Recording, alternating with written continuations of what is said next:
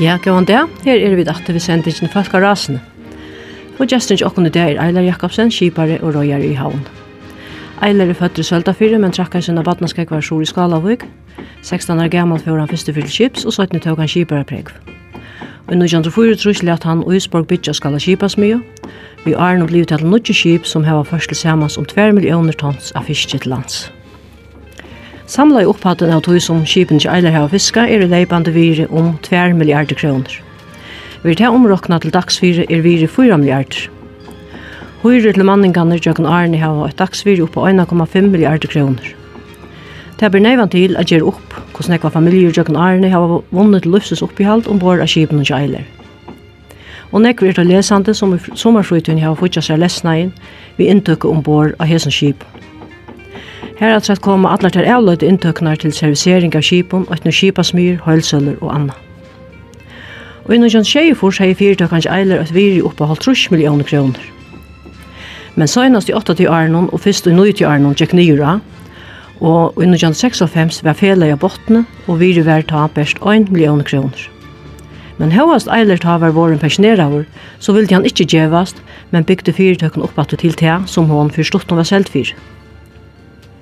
Nu har Eiler skjelt sitt søgnaste skip, og tannsølan gav 1,3 millioner i landskassan. Skulle vi gjøre en samanbord, så er tann opphattet nå mykje til å gjelda atla kommunlagna skipan i år, etla alt det som er sett av og fortsatt løn til sjukradagpenninga skipanna, etla ter uiløver i fjør og i år, og kommande i år til bygging av Edelsøymen. Vi er det som er etter av penningsnån, som fele fikk fyrir sølna, utgolden parstøyerne, skal vinningsbøyde skattegjaldast, som er einar 70 millioner kroner, sværande til 4,5 prosent. Det vil sige at av hver 1000 kroner som parsteierne får utkolde, heva tar 4600 kroner etter, resten fyrir landskassan. Men etter hva vi da skilta eilere, så ligger ikkje korsen at gjalda atlan parsta penningen ut. Penninger vil sette nudja vinnu, som så atterfra skapa arbeidsplås og kaste av seg til føreska samfunnet. I sambandet við søluna av Kronborg og tog tilfondje og fiskerudgjø døme som føringar hava rå iver, hever nekk vi at hørst om ogn førja folks. Og til affæra vid bæg eiler at hos synder om i hessar sendingene. Men fyrst, for jeg ser tett og i perspektiv, fer jeg at nevne et annet land som i sera rukt hatt kjem til tilfondje, nemlig Rumænia. Søvna til Rumænia kjenner de fleste, så vi skal ikke komme oss nekk at her, Men jeg kan nevne at vevelei her er så godt at det blir til at hesta kodden trutja fyrir om året, og landet var kjent som koddkammare i Europa. Øysene rev land i natur og rydgjødømme som olje, naturgass, kål, jad, omframt åndra evne. Men en pena dag var høtte kappa av tøym og vindelusen honom som dyrskav og forvunnet bors ur landsens tilfondje til Rumænia. Og etter faun og Aron la hetta ruika landet og gjønare futjarligare, sosialare og moralskare ruin så halte halt jag att jag får säga gå där vi eiler. Ikke? Velkommen. Gav han der, og takk. Ja, det var etter her hotekje åkenførje folk som vi skulle tilfære og ta seg synder om. Ja. Så halte vi nøye en tur om på boen og satt, og vi var nok lukk innan på det senere da vi slepte sende inn her. Det var så leis, det glemte jeg å si at det. Men vi lå nere i boen og selte jo grafist til last her nere i Alfjerdstånds Ta blev et åsild. En danske båter som kallas Toborg, altså silte vi øl i middelen, bygde et lodjar her. Jeg minns også vel at vi sålde jo mest i prata. nu er det groet litt brester och kipen og vi løy bare ut av det. Nå kommer det så kostar en stotande fram vi sögen jo där han kommer fram til Kvellaberg, Ta höger ankar ju punter Kvellaberg, Kvällaberg, var vi skrev det av. Så jeg røpte jo at det la fatla, Det var nok sjølsan ankarblås, og ankar ble litt av detjen jokk. Og sett jo kvall til å komme inn av styrmann og be om ankar. Jeg sier alltid ikke du kan få ankar for for kipasvinn og kvartan enda som jeg var trittjeng slappa så ankar plåset av alt ikon. Jo, takk avtak altså. Og den etter, takk kom han så både drankaren og fektasvatter, og gå. Og Ja, men så står det med honom, jag Dalskar sig vi henne att skulle det vara en annan gång så var han välkommen ankra, men han kom till vet inte. Jo, ja, men så är det så gav ska jag att jag inte det var lönnen som blev brottna i tjocken och förlutsen den lasten och det blev så omvalt här jag vika av färden så är det vi där vi utåt. Og ta er det videre vi hjem til førjar, fytla kjip, vi kassar og is og alt, som nøyet vært en lenkan Íslandstur. Men så da det endte, da vi kom til cirka hundra fjordingar i av norske, i lista. Ta kåra man til en, sånn kipaflokk som lå ankra over der. Og ta visst det var dansker og svensker, trollbåtar som trollar vitt silt. Så jeg kom så astekjen i gongt, Det var ikke å si, det var et stykke skriva i bæg i bor. Og nå var det gav råd og ut, så vi hadde så nekva av at de øvde noen drastlige bor, så forferdelig nekva skotter og kassar. Og jeg kjipet ta seg som danskaren ble sier, det så som en høstak. Da var ringt av forfætre noten. Paolo Wang som var stor med over, og han var vi åkne til enda det. fortsatt er stått skifte hver han åtte skip, sjål, åtte på polaris, sam vi årene ørena stått skifte. Men han var så vi lukka det den og skipla selv. Og hva du skulle gjøre, ja, han helt at jeg var ikke gjøre utan for jeg holdt vi her, for fætre noten. Jeg halte klokka tjei, åtta morgen, da hadde vi fætre notene, og så ble jeg kastet, og fyrst andre kastet av silt. Og det var jo ekkert uvalet, og vi løtte å isa, Og var så atter hirs, altså, om helt stått at og der stod bjora bytter og du. Vi dør jo ferd til Osland, og det visste der Osland hadde vi tjatt ut av være. Så at, vi vet ikke at jeg en ample gående tur. Eller kunde du bare fiska ta utan at her han ikke fisk løyve, altså bare ta til ta? Du kom jo ikke nøyeskapt av så styrande mannen som råpa herst om fisk løyve og følelsesagt. Tar vi sig ikke om etter rujtjøtum som er her. Hetta er merkverdig nokk sin omtala í Eila Jakobsson við við ha funnet. Og det kratta tæsa tæta sum falsan sagt. Men det skal bare ta vel opp til tekst, ja. Jeg at man ikke får ena kroner for det fra dem. Så alt om jeg kan sa, hver ikke fiskefrøynga når jeg kan ha oss ned, så kallar jeg vannan som vet alt vid det. Men det enda så tog jeg at vi ble verandre i alt som var, og en parter av laudabanen kom så eisen nyer og kjente gåa penger atler. Og så et løyte trekka seg at mennene vidt lov i og hirsas og han får uh, sikla mot uh, Íslandet. Så nå kommer havna på kjentron og bor og så er telefonbåten på inn. Jo, det var jeg jessen ut av konan som ringte og sier vi tar finnes en sånn. Det var Samuel og Krafisteføtti som er 43 år i det. Så han er aldri, aldri når han har sjåar fiskjavna. Og hun var så spent, nå får hun ta sikla heim. Men så tatt hei vi kom med halvfems kjørkar og norra, nå renner du silt. Så nå rinnt jeg til henne og fortelja. Hun var ikke så grulig glevet av seg siltene, men så sier, eller at han skal komme heim og suttja sonen kjart. men da måtte man bare være herrer, jeg var ikke gjerra. Så det kostet jo ikke, det kostet ikke ikke å få fætrusen falsesogn, som han nekker opplingner av det. Ja. Så kallt og kvinnet så måtte vi inte vänta. Bergkåne be at jeg var nirat. heit han nu så grulig, rujkylt alt og kjollt om folk allt att det. Man fortäljer ett da träck. Så det finnes ikke det første Solborg. Ta minnes det. Det var ikke øyre etter i husen. Vi hadde sett alla lite huset fast. og på skorsteinen langt der, og da fann jeg norska tutskan, i en lomma. Det er jo som reip, men det er den beste verileik. Så säger vi kona, för jag har hem till Einar Vittar och vi gav av in, vi var uppvaksna i skala och samman och vi vet att samma namn så vi var uppvaksna i Leon Lee. Och kanske du fast några kronor från. Jo, han får så hem och spurte att det var möjligt att finna henne 500 kronor. Solpa kostade 4,2 miljoner, det skulle inte bli helt avrymmeligt. 500 kronor välte så inte projektet som så. så. Jo, jo, vi har forklaret hva du skal bruke pengene til. Ja, så oljerokning, så telefonrokning, og så er det med at hatten kanskje, er mjølsoppa. Og jo, det er gikk så, hun fikk så disse 500 kroner der. Men det er bedre, ja, det første døren, det er gikk ikke kjærlig. Det fyllte, silten var i februar, jeg var fra seg når vi begynte. Men, eh, så var nok så kjøtt og bröttest. Ja, jeg alltid var nevnt at den første turen da vi kom nio Kölle greiene var jo ikke. Fungerer ikke så som man er at det er skuldt. Så da vi hukte ned, ner, tog luken her av när jag hade rötten nok sånn, man var trutt hos kassar.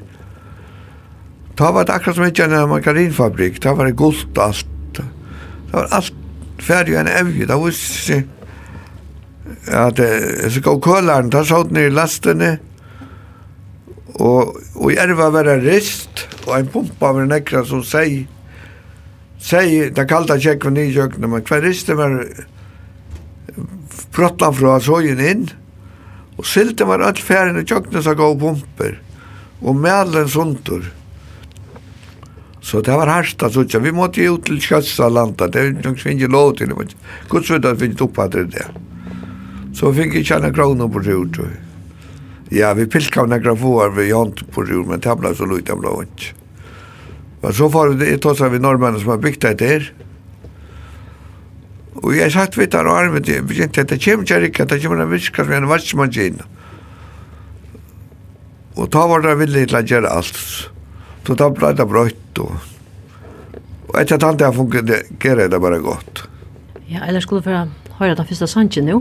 Å oh, ja. Ja, det var alls bedre som jeg vil høre først. Og TV-sangen om Dreimeren.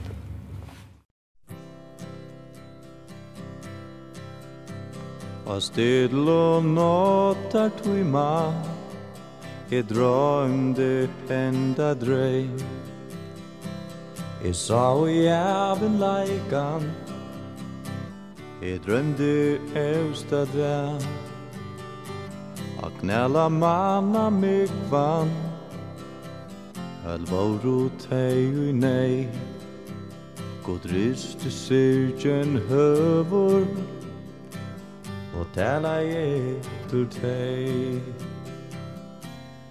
Fær bort. E eit e tjene Tvoin mor hugsar ikkje mer. Fær bor E eit i tjene Fær og tant og jara Som du tant til her E elda tøyen kom en vær Ta i skal standa røgn Jeg sier er jeg en kristin Men det var beste løgn. Han åkte jøknen bojena Men syrgen lei til møy Han sette meg til vinstro Og tala jeg til møy Fær bor jeg bekjenner Fær bostor Fra mer atlator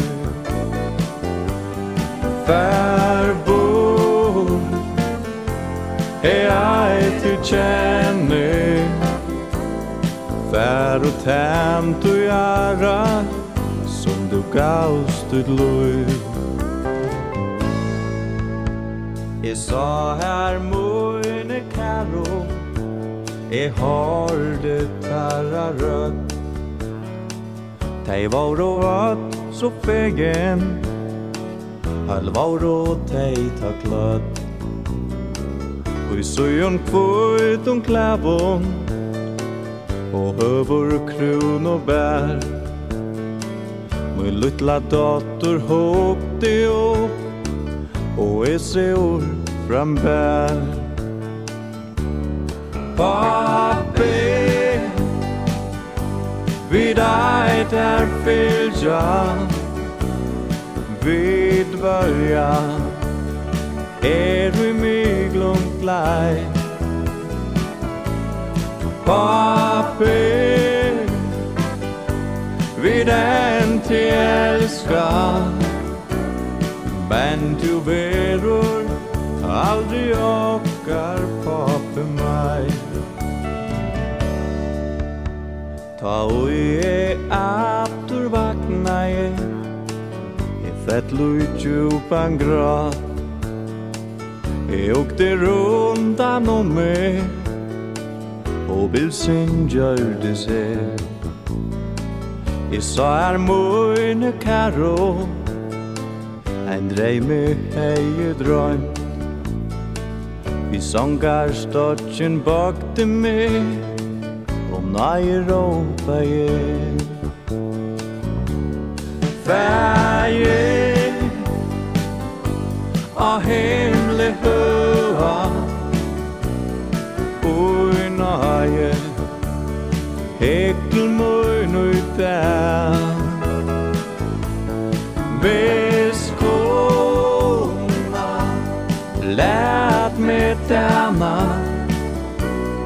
Tären till du fera på att sända mig. Tären till du fera på att sända mig. Sända mig.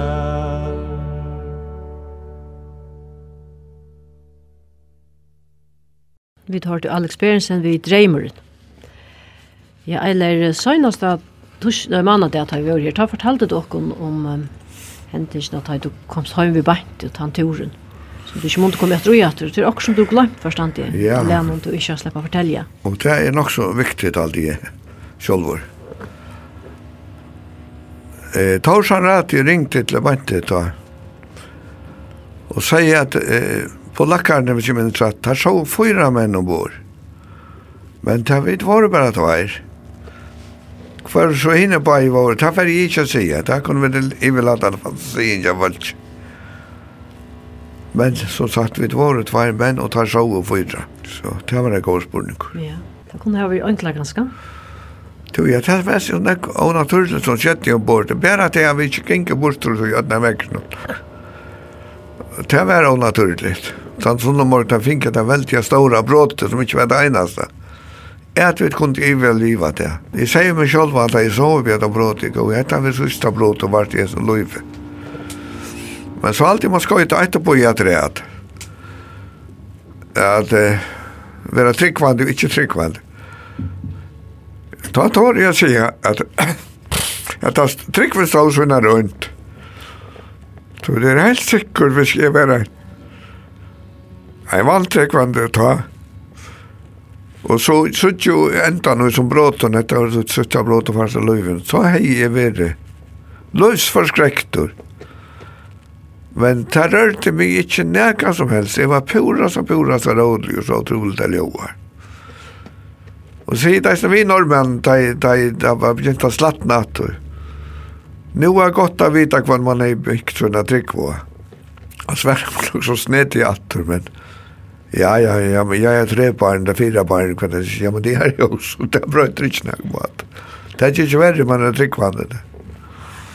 Nej, det blir inte mer än det. Men vi har så varit av norrman att så igen. Och det kanske ser det vita om vi missar sambandet då. Konan vi var bäg, vi hade gist jag där en natt, och det var bäg blod och tog ju. Och vi kunde inte ta som vänta. Ta på det att orden vi hade kört. Mm. Ja. Ja, men alle for at um, kom at til skipene chatter så kom du andre for en dag hvor du gjør det av for å bytte skip selv. Ja. Ta blei ta Solborg. Nei, Øsborg, nei, tvatt. Ja, ja, nu tar vi bare to som eile, men Øsborg og Norrborg, han åtti saman vi badgen saman, saman bror, som var høves personer av Taimon, så en trutjer er her. Her mitt lands var kokker fra, fra Haldarsøy, Pallianus Andreasen og en badje i Så en tvær trutjer er som var, og, og verfæg, Peter Aberg. Der åtte svaller nekko i. Og i Uisborg. Det var noe kjent fyretrus. Det var fyretrus, ja. Fyretrus, ja. Og vi får så den første turen for Uspa var bygd som en kombinera fristi og løgnebator. Og det var så det var så aktuelt å fiske hjemmeren i Fondlandet da. Jon Damme i Vere vi. Vætje og Sattne Sklikve. og en som var palli i Vestmann eisne, var sitt for Kipar. Hver er rønden og Fondland, og vi kom vi på ut så vi får når om farger først. Vi nåt, kona var vi, så hon var mitt russarna når vi kom inn, og Og vi finner så, ikke nekva sitt, men nok til Vi friste om vår selv, vi kunne friste en 20 tons som døgnet. Vi friste så, friste han ui nesten fullt. som vi skulle bruke til agn. Og det visste jeg da vi kom mitt til andre at jeg fiska en negg bedre inn, Inn etter vanlig agn når man fikk negg hos hans fra. Jeg kan godt minnes en dag lønner stod inne i San Lorenz Kofl, for det er mittelen i Fondland og, og Labrador, utfor Kornbrokker. Eh, ta fink vi særlig nek og lunnar stå krossa og hver er flere fyrir lunnar ikke leit og jokkon. Men vi tatt nek og ta var hver er lunnar krossa så sier nett vi det er fer leikere gåa det. Så det var hver er fernar ta var så nek var tjokk. Men jeg hadde vidt fingrene i alt annet og jeg minns ikke var leikvegna rett. Og det var bare at gåa agne som var mun. Det var visse hvis vi skår igjen og silt i avtak med i så blötte hon fruktsblå. Så man helt hemma i krasne, men där hade det han lukt hans god. Där ville jag ha något som smakade väl. Kvar körde vi där, och två turar körde vi där, till hemma. Men det var utspår vi var vi Asuriabanken, eller sånt där, Asuriabanken vet. Ja, det var nog inte februari. Tar vi tatt fiska vi løgna vi boanes. Ta vust altså hver jeg vet at sett løgnen der roer jeg sora bankan Det var veldig store siltastimar å sutja. Og det var jeg kommer å kjenne hvordan jeg skulle sutja ut ekkelåten. Og så da vi få Øysborg, Nuttje da februar, ta færa vid beina gaus direkta sora, sora bankan, og sikla at var stora siltastimar. Hina batan som var farne til, for det var alle farne til norra. Det var til enda her Íslandsilten, eller som norrmennene kallar norsk vorguden silt, hun kom fyrst av fyrjar, og så fort han største parten til norra, og en løyte parten kom inn av bankan tjokken nestan fyrir, og blaverande her, og gutt her. Og med kvæt, jeg var tørna av rinta for, jeg var så, etla fyrir, Men tar vi det, så, så, så, så dreier jeg fra systemet, tar vi seg vekk, og sikla tvær tøymar mot norra Østerhav. Og så borra der med ut og sier, vi så oss helt der, og mista vekk. Og jeg får bare vidt vente over så vi sommerfer innator. Jo, var sikkert, da vi kom atter i sånn posisjon og er, men nå er det bare sånn små, små klottar og sånt. Men det var så spent av å vite hva det var vi at seg. sier. Så vi kasta av og fikk 20 tons av silt. Og så hadde vi bevisat, så ble vi litt kjent i kjølvandet. Kvalt i ett eller natten etter, da fikk vi denne här gående i uro. Men just det tonen som är vid siltringen, där låg inn i skalafjorden til nattorna. Kommer så ut om morgenen, silt på pejlaren etter och kom till sidan och krack, att vi hade varit utfärdigt. Og der fikk jeg godt kass, en gott undra tonn, som der var innan at vi beina veien, og, og landa her bakalau. Så nu var, nu var starten til det sier, falset og knatta begynt ond farju. Ja. Men, eh, jo, jo, og vi ble så verand, og der, der bare var farne til norra, der kom atter heima, der ble stå. Og der ble godt fiskar ut, det var ofta så leis, At man får ut og og morgenen kastet i eina fyrst, timan var så rævlig stor. Jeg har til dem sett eina mynt av Uisborgen. Hver vi vurderer at det var en tusen tons ui. Vi tok 380 tons av vår, og så tar vi ikke pumper og skrøyeskriv som bare jeg vet det. Hvis det var det, så er jeg bare den neste baten kom lagt på søyene og finner resten.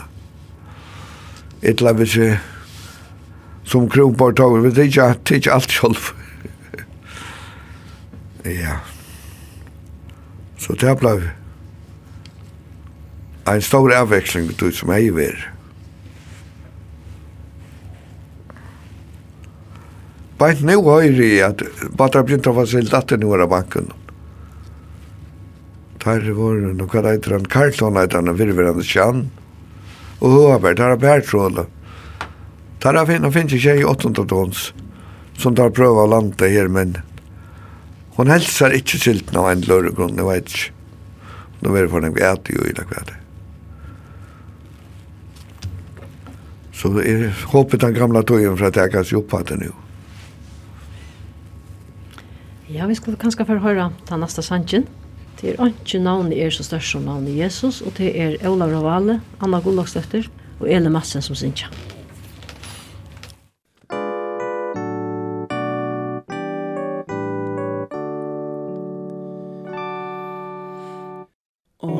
Jesu navn er størst som navnet Jesus. Døyrare av foldun ikkje vær. Melde Jesus, kære Jesus. Ein så fævor jomor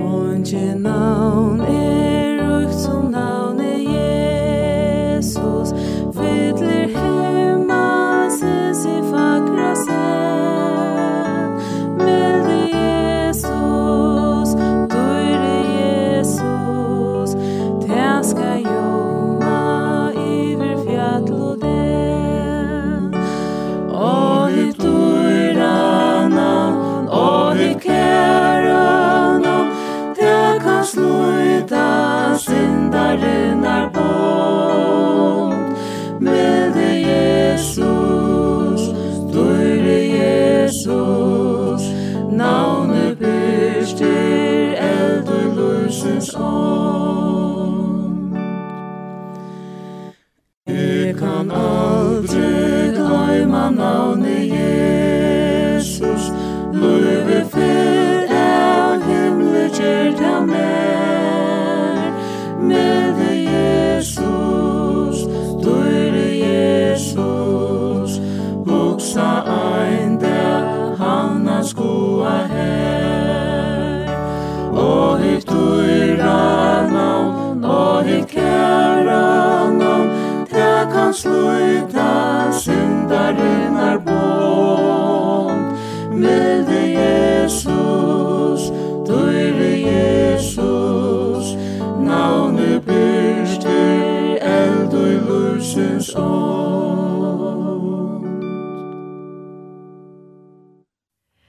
Ja, eller? Men du stekker ikke av i, i Øysborg eller tid. Tid til det fremme å bygge skip. Det var det første skipet. Ja.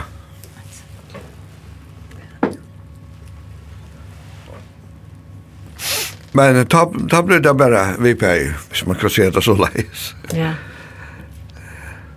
Samma vi bankan då. Ja. Ja, ta ble det Solborg. Eh, Ta i Øsplappar bygd, ta fikk jeg en gåa vin inn i en skala, i Norrman som het Anders Bjørnevik. Han var virkelig en praktfull med over og, og kona kjål. Det var så hjertelig og blod i alt det man kom her og glad i. Og så en dag igjen, ja, det kom jeg faktisk av en jolakors, så får jeg jolakors fra henne. Og jeg vil omkant være når jeg ser det for glad for pennen. Så det er neknapp meg, jeg tar ikke ferdig å ringe til henne. Så ringe til han, det var kjøtt pratet kom inn av skip, så sier han, nå har vi bygd tvei sånne skip som sikkert passer akkurat til, til tøyne interesser. Det var en støtt vi sålbar som vi fikk sett ned. Ja, vi pratet oss vatt fram. Jo, man skulle senda med tekningar. Det var ikke å si, en tverd er tar var ikke fått av tekningar. Og vi kan ha vært oss vatt fram. Og så var futsing. Det var det gav tutskronsedli kjenner dette i prosjektet. det var ikke sånn, men jeg vet ikke. Jo, det er jo jeg som... Det var bare til alle fronten. Så det var ikke, ikke mer enn fag ideer. Da var det bare som kom Bjørnevig og Itar Ulstein, som var sjefer til Ulstein. Det store fyrtøkken i Ulsteinberg ja, som sett en bygd i Kronborg. Så der kom jeg her vid en masse teckning og vi satt en hela natt og, och diskuterade vårt andre annorlunda. Så var det morgenen kom til at vi skrev vuntor. Og det ble så til det jeg här på, som, som jeg tykker ble meg god grot på. Ja, och när jag var i arbetsnet så kan være. Du, lätta jeg vil ha så rævlig at jeg var menn vimmer i köknen och ärende og veit at taimen enn særlig takk og helsa. A koma a lande vi gjennom fotlun kipi og suttja familjina der gleder av kajen. og det er ikke større fyrir en kipar enn ter her. Og det her kunne ikke värderast og tog ville senda taimen enn stora takk. Eilar er vi ikke veri einsmallar om a bytja etter rupsta som blei. Det er så fantastisk drifte i gode mennene, gode mannskap som jeg har haft rundt om, som har vært vidt alt dette her. Så det skal du heller ikke glemme, som sitter og lusta. Du har fortalt omkring, omkring så spennende henting alt dette jeg får fram. Bestemmer at de kan la bytja, det må være nek forskjellig. Er det kom så lengt at skipet. Ja, det har vært øyla nek, du. For det visste, hvordan pengene skulle få oss når vi er.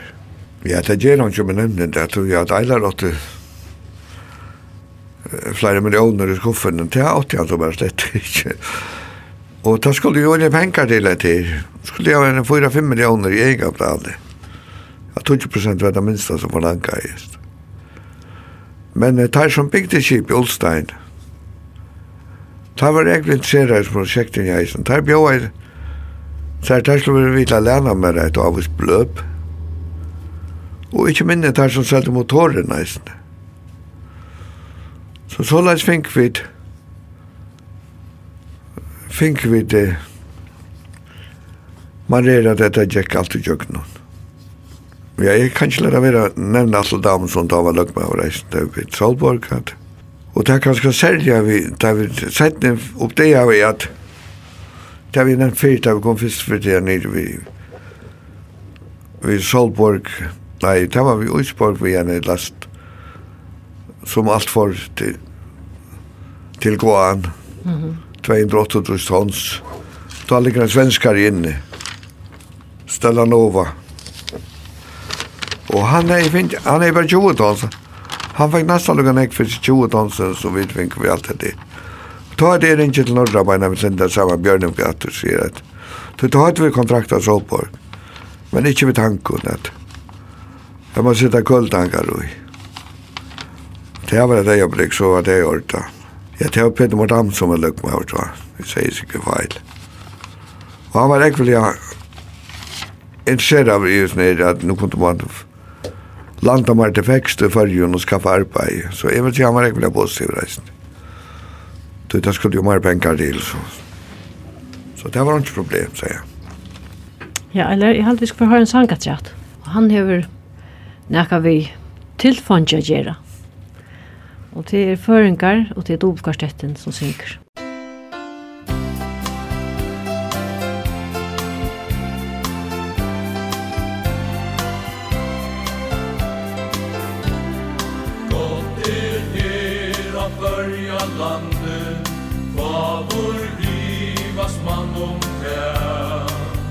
Og leika je til buja Hans nei han bedre sted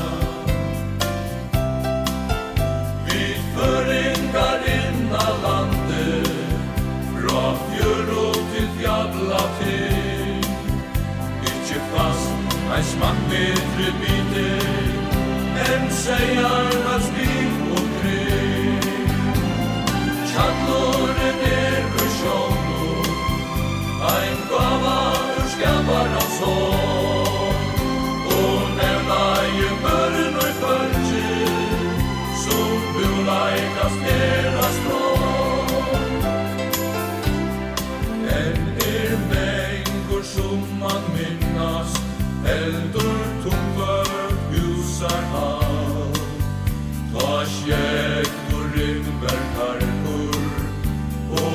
loise tog servat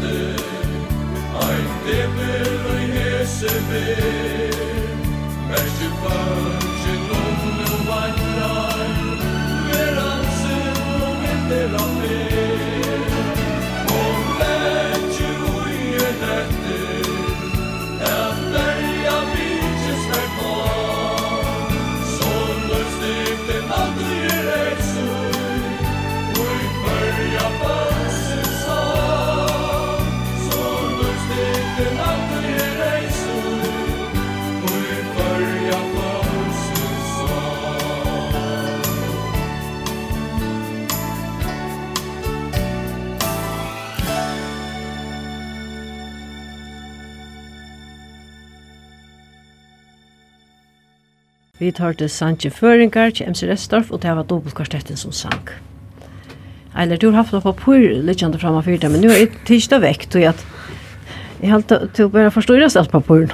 Du sier selv at det var stående papurvinner. Nei, jeg har ikke vært så innanlig papurvinner. men det kommer til å fortelle om sjålivet, det er det gøy. Jeg vet ikke opp det.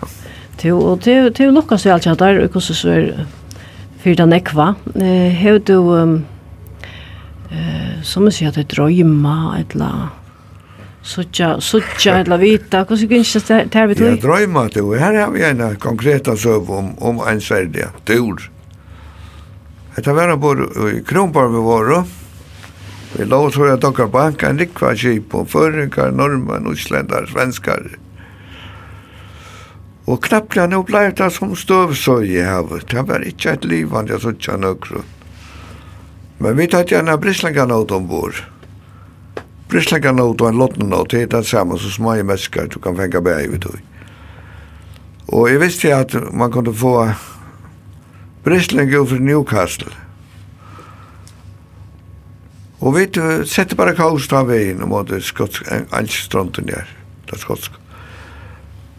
Så tar ni bare inn. Så tar jeg sov, jeg tror ikke at man nu drømmer jeg. Jeg drøm jeg og skåre med finkur, vi leit etter en gassepinte. men jeg finner jo ikke. Nå kommer jeg med av stor store kjetje, jeg kjente han ikke. Han var nok så alvorlig.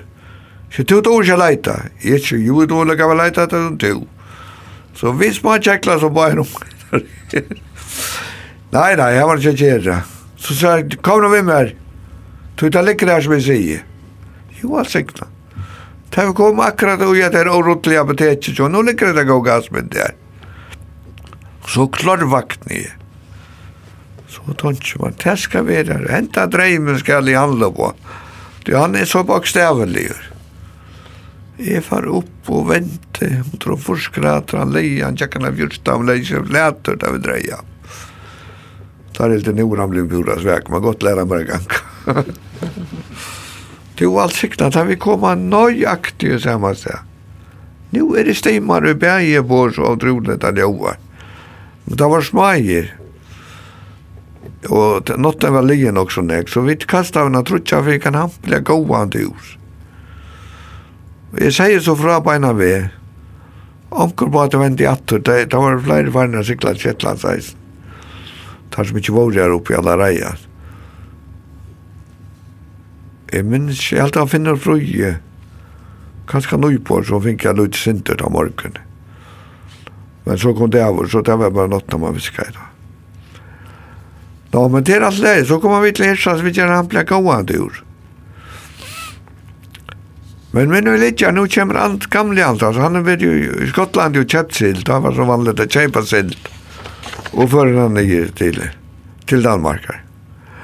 Og en av mannskap gjør en bor, sier du, en av det er nek silt utanfor, en av fjertsvørngar ut ristat.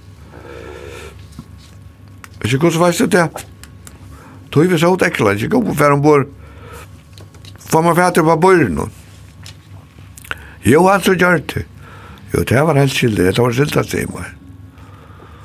Vi får så ut at det kjørte han veldig, vi tog 2600 kassar. Det var nok den største last som var landet i nøgt da.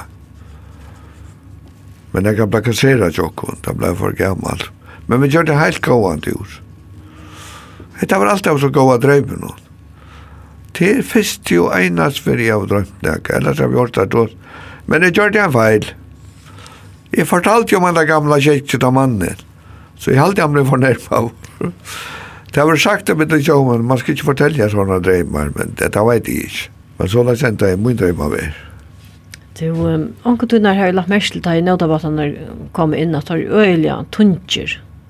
Det ser nærmest ut som om ikke etter Ja, det er ikke engang ligg. Av lønningen, eller man ser ikke noe som helst. Nei, nei, det er ikke nesten uvattnet. Det er alltid gamle krukbar. Det var han ikke mer enn 25 cm frøybor som ikke er rettelig enn jeg. Og en av sånne turen, da var kona vi. Ja ta fink vid fotlandlast, han er 15 tonn, han for langt under. Gamle kron, han ble for langt under. Han tog bare 800 tons der var. Men han for langt under, så kom bara en, en 1500, nästan det dubbelta.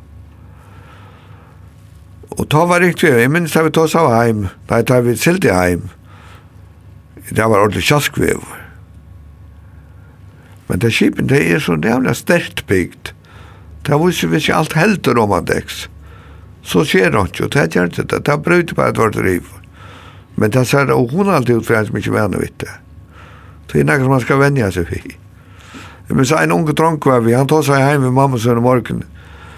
Han sier, mamma, i natt var i bensjen, sjekk hva han kom som harst enn av brunna. Ta var det nok som bensjen, sier jeg.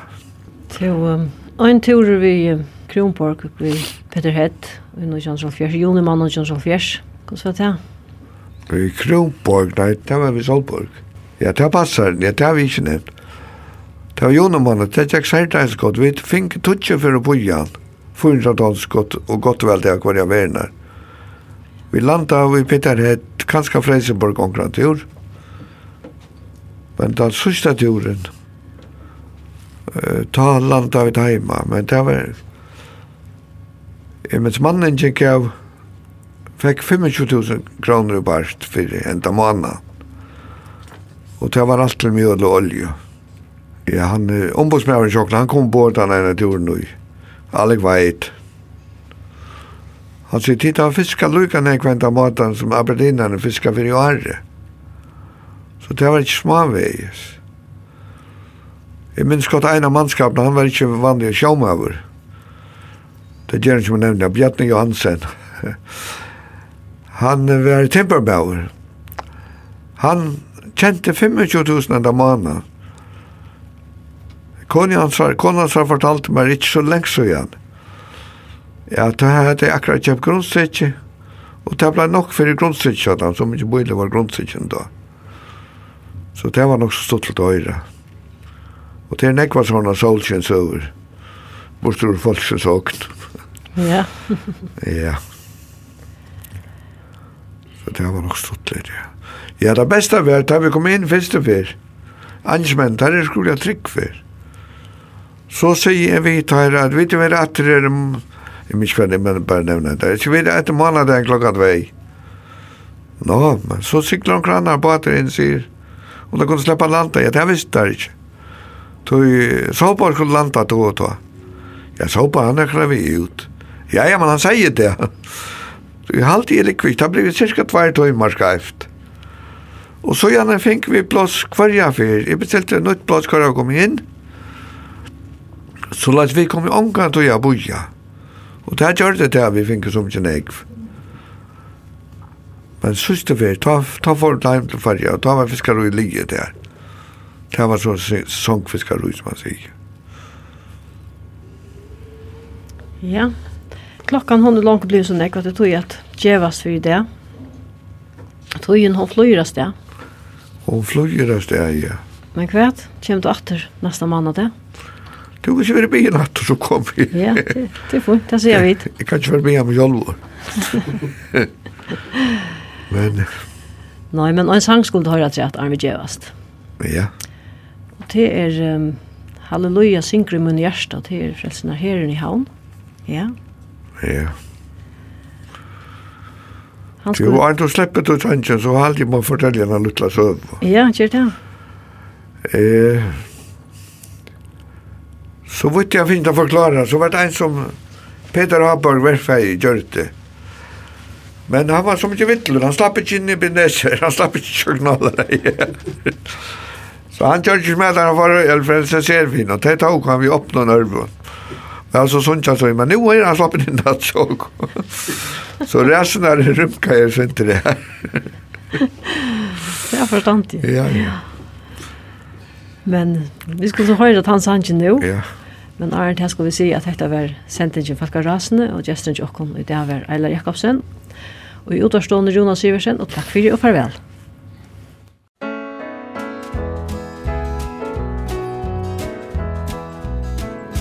Halleluja, sing god